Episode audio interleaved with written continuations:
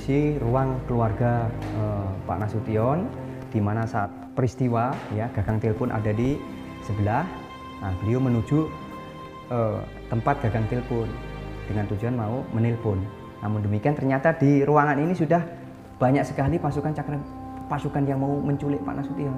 Ya. Hmm. Jadi ibu dari belakang ketika melihat bapak lompat masuk ke ruangan telepon sini langsung Iya. lari mem- membawa adik Irma. Iya, menggendong adik Irma yang dalam kondisi memang sudah luka parah. Sehingga dengan demikian eh, apa beliau dibentak ataupun diteriakin oleh pasukan ini. Telepon sudah saya putus. Mana Nasution? Nah, dengan ketegasan yang sangat luar biasa, ibu menyampaikan sebuah argumen. Pak Nasution sudah keluar kota di Bandung dua hari kalian ke sini hanya mau membunuh putri saya. Nah, seperti itu.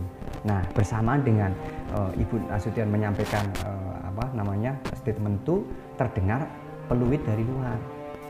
Pertanda bahwa eh, komandan yang memimpin pasukan itu eh, memerintahkan kepada seluruh eh, anggotanya untuk segera berkumpul. Kenapa? Untuk segera berkumpul karena eh, pergerakan ataupun eh, gerakan sudah dihentikan karena pada saat itu mereka menyatakan bahwa Pak Nasution sudah tertangkap. Eh ternyata yang ditangkap adalah uh, Letnan Piri Tinggi. Iya. Seperti itu Habib. Jadi eh, ketika peluit eh, Ibu Nas melihat mereka semua kembali ke em, kendaraan kan. Kemudian Ibu melakukan apa? Setelah melihat pasukan semua membawa Letnan Tendian Mm-mm. pergi, apa yang Ibu lakukan setelah Ya, itu? Ibu pada saat itu mengikuti uh, pasukan dari belakang sehingga men- menyaksikan dengan mata kepala sendiri. Nah, setelah itu tentunya ibu karena adik ini kan tertembak uh, berupaya uh, ya, meminta bantuan ya sehingga dengan demikian akhirnya adik Irma bisa terevakuasi ke apa namanya rumah sakit. Ke RS, RSPAD Gatot Hmm. Subroto. Jadi di, di sini tempat Bapak sama Ibu keluarga Iya, sini ya? ini ruang Ruang ruang, keluarga sekaligus ruang makannya. Kita lanjut ya bisa? Iya, baik. Ini kita menuju ke kamarnya Adi Irma.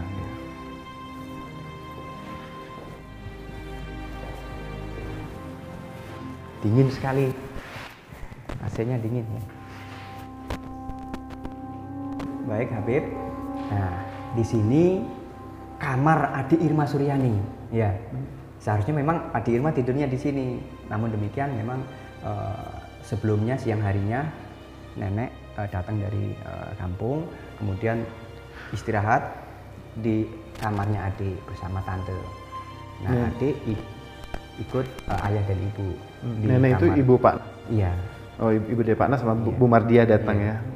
Iya. Nah, setelah itu ternyata ada peristiwa eh, di dini hari itu ya, di pagi hari itu sehingga pada akhirnya adik terkena tembakan itu. Kalau dipan ini ya, ini dipan yang pernah dipergunakan Pak Nasution ya pada saat eh, dirawat ya di Mako Kostrad ya karena kakinya sakit karena apa namanya tergelincir itu. Ini bukan tempat tidurnya adik bukan. Termasuk tongkat ya yang dipergunakan. Terus kemudian di sana ada eh, baju eh, koat ya miliknya adik Irma. Kemudian juga ada boneka eh, mainan termasuk peples ya eh, untuk air ya. Kita ketahui mohon izin Habib bahwa adik ini eh, pada saat itu sudah eh, masuk di TK ya, udah udah udah udah TK. Jadi berumur lima tahun ya. Lima tahun ya lima tahun lebih. Yang ini koleksi Ini koleksi baju-baju panas ya, koleksi baju-baju panas. sama seperti di ruangan sebelah Iya, ya. ruangan. kalau didispleykan di sana kan terlalu ini ya. Terlalu banyak. banyak. Ini foto Adi Irma bersama Letnan Pirit ini kan. Ini ke kapan ini foto ini? eh, pada saat ulang tahunnya Adi Irma. Yang terakhir. Iya.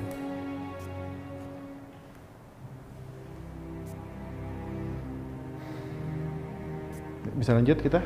Bisa. Ah. Kita lanjutkan ke eh, ruang senjata ya. ruang senjata.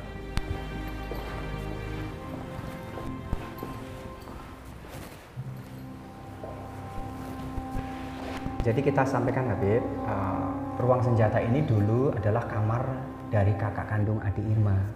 Ya, kamarnya Ibu Hendrianti Saharana Sution. Beliau pada saat peristiwa usianya 13 tahun, kelas 2 SMP ya. Sehingga beliau sudah uh, mengetahui lah sebuah kondisi yang uh, berbahaya mendengar uh, tembakan dan sebagainya. Beliau membuka jendela. Jendela ini kemudian beliau loncat Pa- pa- Padahal tinggi ya. tinggi. Ini kurang lebih eh, ada 2 meter ya. Sehingga beliau sebenarnya cedera gitu. Cedera di, di pinggulnya. Nah, setelah loncat kemudian menuju ke eh, tempat istirahat para ajudan. Nah, di sanalah pada akhirnya ketemu Letnan Puri Tindian. Gitu. Yang mengajukan bahwa AC eh, terdengar kabar AC meledak ya. AC, Ya, AC Bapak ya, meledak. informasi dari Ibu Ed- Ibu Yanti. Ibu Yanti ya, eh, suara pertama yang beliau pahami adalah suara seperti ledakan Hmm. seperti itu. Tapi pada akhirnya eh, tembakan itu terus menerus sehingga beliau langsung meloncat. ke Letnan Tendian. Ya, mungkin Letnan Tendian sudah paham ini suara tembakan bukan AC. Jadi ini dulu ke kamar Bu Yanti sendiri di sini. Iya. Waktu kejadian Bu Yanti nggak ngebuka pintu ini, Tidak, langsung lompat ke luar. Yang akhirnya ruangan ini jadikan ruang, ruangan senjata Nah, milik se- Pak Nas. Sekarang Apa? kita pergunakan sebagai eh, display senjata-senjata koleksinya Pak Nasution. Oh. Nah, jadi banyak sekali ini koleksi-koleksi Pak Nasution ini. Ya, ada senjata tradisional juga, senjata api juga, laras panjang, pistol ada. Bahkan ini eh, senjata yang dipergunakan untuk eh, menembak adik juga kita displaykan. Oh. Wah, ini. Ini asli senjata yang Asli, menembak. asli, Adik. asli, asli, asli ada. Baik, ada Baik. yang mau ditanyakan? Enggak udah. Nah, Ini kita tinggal satu season lagi. Nanti kita menuju ke pavilion Letnan Piri Tindian. Ini aneh. Baik. Baik, kita langsung menuju ke eh, pavilion.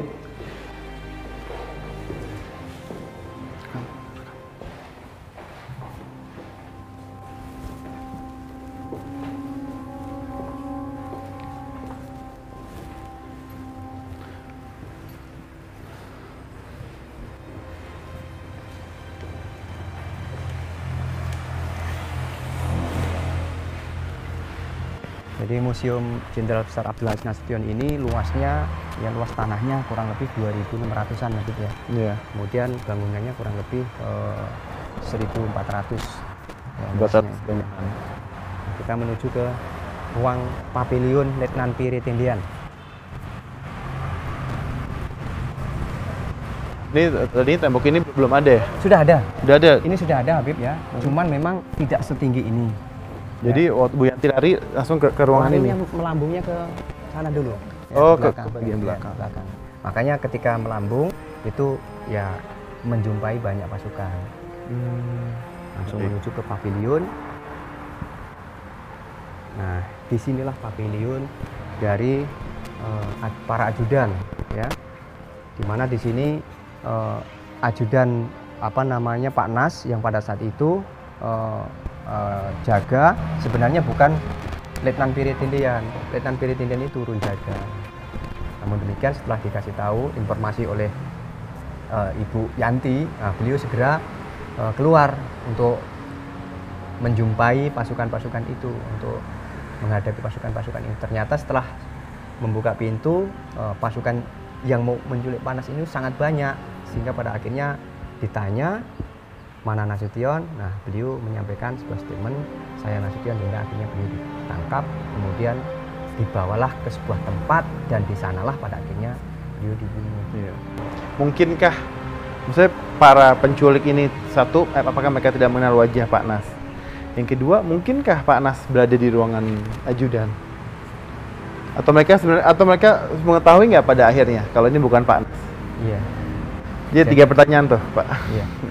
Jadi eh, mengapa mereka tidak mengenal Pak Nas? Karena memang pada era dulu ya, pada era eh, tahun yang lalu ya kan, itu tidak seperti era digital seperti sekarang bahwa eh, siapa pun sekarang bisa eh, apa diakses melalui media. Nah pada saat itu pucuk pimpinan TNI ya kan tentunya jarang sekali langsung eh, berkaitan dengan yang di bawah. Biasanya yang di bawah itu kan komandan-komandan satuan bawah, ya kan? Danki, ya kan, Danton, Danyon seperti itu. Kalau untuk eh, Menhan eh, eh, Kasab sendiri mungkin eh, tidak terlalu banyak apa namanya eh, melihat seperti itu sehingga untuk mengenalnya sulit. Ya, pertama itu kedua eh, pergerakan itu kan sangat eh, pagi ya, masih gelap.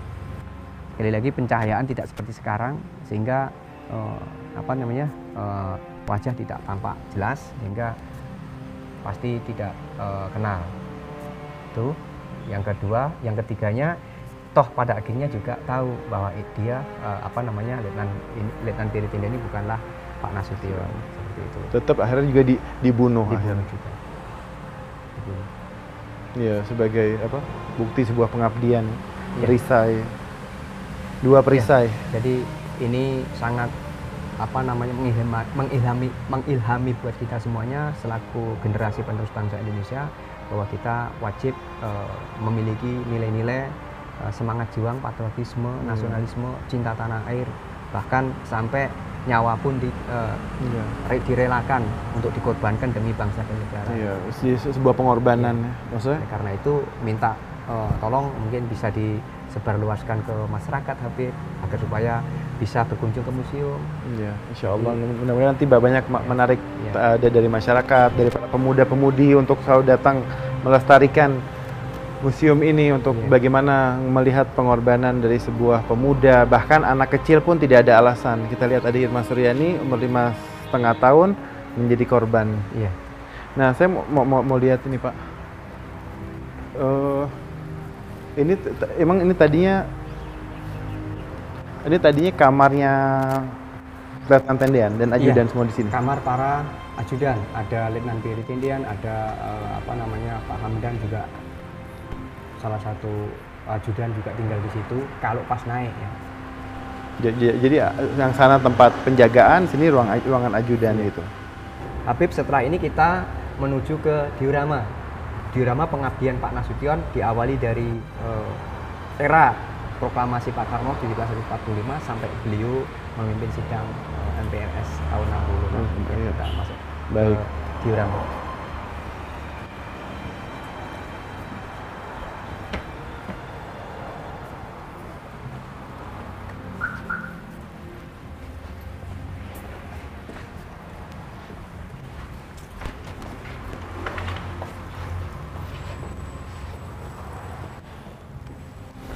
Ini eh, Bandung Lautan Api, ya, peristiwa. Iya, peristiwa Bandung Lautan Api. Eh, mohon maaf.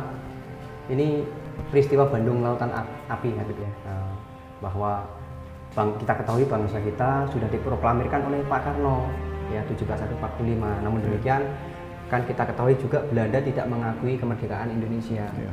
Ya, berbagai macam cara Belanda ingin mengembalikan kekuasaan di Indonesia. Salah satunya eh, mereka datang di Bandung ya, Bandung. Nah, di Bandung pada akhirnya para pejuang-pejuang di Bandung ini melakukan perlawanan-perlawanan yang pada saat itu dipimpin oleh Kolonel Abdul Haris Nasution ya yang didukung oleh eh, seluruh eh, tokoh-tokoh Bandung dan sepakat untuk melakukan pembumi hangusan eh, di Bandung Utara ya Iya. pada saat itu. Kenapa di bumi hanguskan? Karena eh, pada saat itu mau dikuasai kembali oleh eh, apa Belanda Itu tahun berapa Pak? tahun enam, seri- 1945 ya. Agresi, agresi militer. sebelum agresi militer Sebelum. Nah setelah itu ya kota Bandung dibumi hanguskan termasuk gudang-gudang eh, logistik ya gudang-gudang senjata munisi ya di daerah Bandung Selatan di, di wilayah Dayakolot itu diledakkan oleh salah seorang pejuang Hmm. eh, dari Bandung kita ketahui dia adalah Muhammad Toha nah jadi Muhammad Toha. eh, inilah eh, salah satu eh, perjuangannya Pak Nasution karena pada saat itu yang memimpin adalah Pak Nasution Nah, terjadinya sebuah eh, Bandung Lautan Api. Bandung Lautan Api itu baik Habib Iya.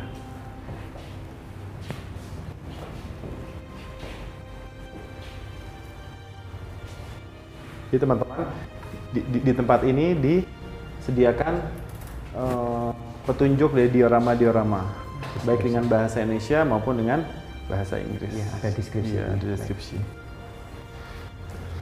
Selanjut diorama berikutnya adalah diorama tentang hijrah Siliwangi ya Bib ya.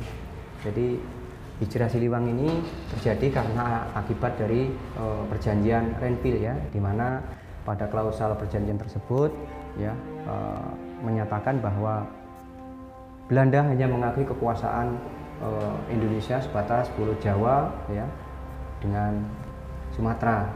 Nah, pasukan-pasukan yang ada di Bandung pada saat itu harus meninggalkan kota Bandung. Karena Bandung eh, dianggap eh, wilayah dari kekuasaan Belanda pada saat itu.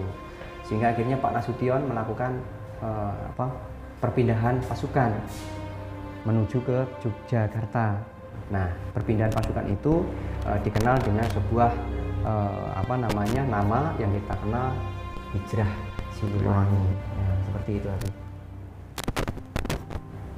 apa yang kejadian itu apa yang yang beliau kerjakan ketika hijrah Siliwangi di, di Jogja? Nah, kan hijrah Siliwangi ini kan uh, terjadi sekali lagi ya akibat dari uh, perjanjian. Hmm. Mau tidak mau uh, apa namanya? Harus keluar dari Bandung. keluar, ya kan? Untuk memper, uh, apa meninggalkan kota Bandung, memperkuat uh, apa namanya? pindah ke Yogyakarta Jogja. seperti itu. Ya, baik. Ada lagi di ya. diorama? terakhir ya diorama terakhir oh masih ada terakhir terakhir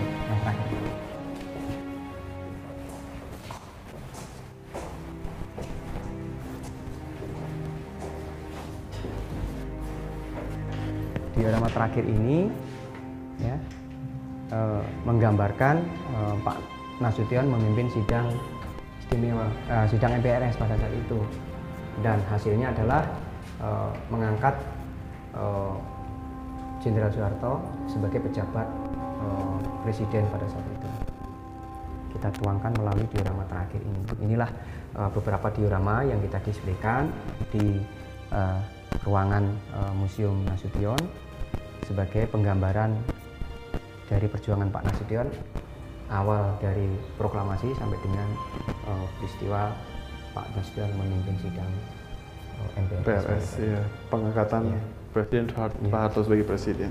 Baik, sudah semuanya kita uh, apa lihat koleksi-koleksi yang ada di Museum Jenderal Besar Abdul Haris Nasution. Masih ada satu uh, kenang-kenangan Pak Nasution. Kalau berkenan, ayo kita melihat ya. Kalau masih ada waktu kita bisa melihat iya, boleh. mobil Pak Nasution. Itu tahun kapan? Mobilnya tahun 99. Uh, 97. 97. Sampai di Iya. Oke. Okay. Baik teman-teman, saya akhiri program kita di Said Hussein dengan mengenal Bineka Raih Tunggal Ika. E, bagaimana saya menghimbau untuk semua teman-teman untuk datang ke museum ini. Bagaimana kita e, mengisi kemerdekaan dengan merenungi, menghayati semua apa yang telah dikerjakan oleh para pendahulu kita, para pahlawan yang telah berkorban berjuang demi tegaknya dan eksisnya negara kita yang kita cintai di, di planet ini yang yang Allah telah ciptakan dan semoga kita bisa selalu mengisi kemerdekaan dengan melanjutkan apa yang telah diharapkan oleh para pahlawan kita. Baik untuk semua teman-teman yang yang mau datang ke sini, museum ini buka dari hari Selasa sampai dengan hari Minggu dari mulai jam 8 sampai jam setengah 4 sore. Saya Syed Hussein dan semua teman-teman undur diri dan saya ucapkan terima kasih yang sebesar-besarnya untuk di sejarah kepada Pak Kapten Suroso yang telah menjelaskan semua museum ini dengan baik. Saya undur diri, mohon pamit. Wassalamualaikum warahmatullahi wabarakatuh.